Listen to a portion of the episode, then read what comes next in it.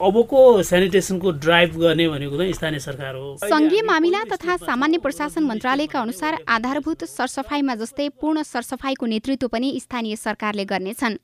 हरेक स्थानीय तहले पूर्ण सरसफाइको योजना बनाउनेछन्। भूगोल सुहाउँदो पर्दा प्लानिङ गर्ने कुराहरूमा त तल्लो तहमा स्थानीय जनतासँगै बसेर गर्ने हो। माथि कार्यदलहरू बनाउने है त्यसबाट सेलेक्सन गर्दै त्यसको सुझावहरू यस्तो गर्दा हुन्छ भनेर। चर्पी बनेर मात्रै सरसफाइको अभियान पूरा नहुने भएकाले सबैभन्दा पहिला शौचालयहरूको दिगोपनका लागि कार्यक्रमहरू तय गरिने खानेपानी तथा सरसफाइ मन्त्रालयले जनाएको छ।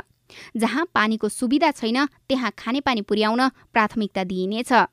खानेपानी मन्त्रालयका senior divisional engineer Chok Prasad Dhital. जहाँ जहाँ शौचालय छ शौचालय त भयो तर खानेपानीको सुविधा छैन भन्ने कुरामा अब खानेपानीको सुविधा नभएको ठाउँमा पहिलो प्रायोरिटी त्यहाँ दिनुपर्छ। चौध गतिदेखि नै करिब करिब हाम्रो सुरु हुन्छ। विभिन्न डेभलपमेन्ट पार्टनरहरू सरकारी हामी संलग्न निकायहरू सबै मिलेर त्यसको अगाडि केही तयारी हामीले गरिसकेका छौँ। पूर्ण सरसफाइ अन्तर्गत ढल व्यवस्थापन चर्पीको प्रयोग सुरक्षित खानेपानीको मात्रै प्रयोग खानेपानीको सुरक्षित भण्डारण सुरक्षित खानेकुरा व्यक्तिगत सरसफाइ महिनावारी स्वच्छता तथा वातावरणीय सरसफाइ लगायतका विषय पर्दछन्।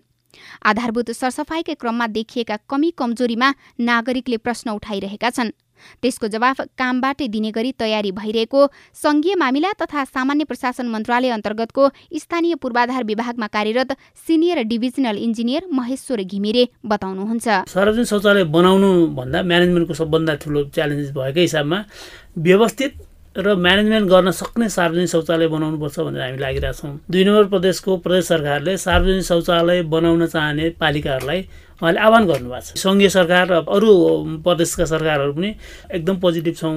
सार्वजनिक शौचालय बनाइ नसकेको अवस्थामा चाहिँ हामीले प्रत्येक रेस्ट्राहरू लाई चाहिँ सार्वजनिक शौचालयको रूपमा प्रयोग गर्न दिनुपर्छ। भने अर्को चाहिँ पेट्रोल पम्पहरू। प्रत्येक पेट्रोल पम्पहरूमा सार्वजनिक शौचालयहरू व्यवस्थित हुनुपर्छ र त्यो पेट्रोल पम्पमा जसले पनि प्रयोग गर्न पाउनुपर्छ। जति पनि अहिले क्वेसन हामी गरिरहेछौँ त्यो कुरा त कुनै एन्सर दिन सक्ने गरी हामी काम गरिरहेछौँ। दिगो विकास लक्ष्यको बुदा नम्बर छमा सन् दुई हजार तिससम्म सबैको निम्ति खानेपानी र सरसफाइको उपलब्धता साथै यसको दिगो व्यवस्थापन सुनिश्चित गर्ने भनिएको छ।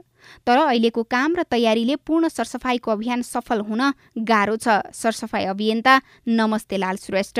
यो प्राथमिकता सबै तहबाट हुनु पर्यो। अहिले काम गर्दा हामी भनेर यहाँ त अहिले धेरै राजनीतिक पार्टीहरू छ पालिकामा पनि विभिन्न पार्टीहरू छ।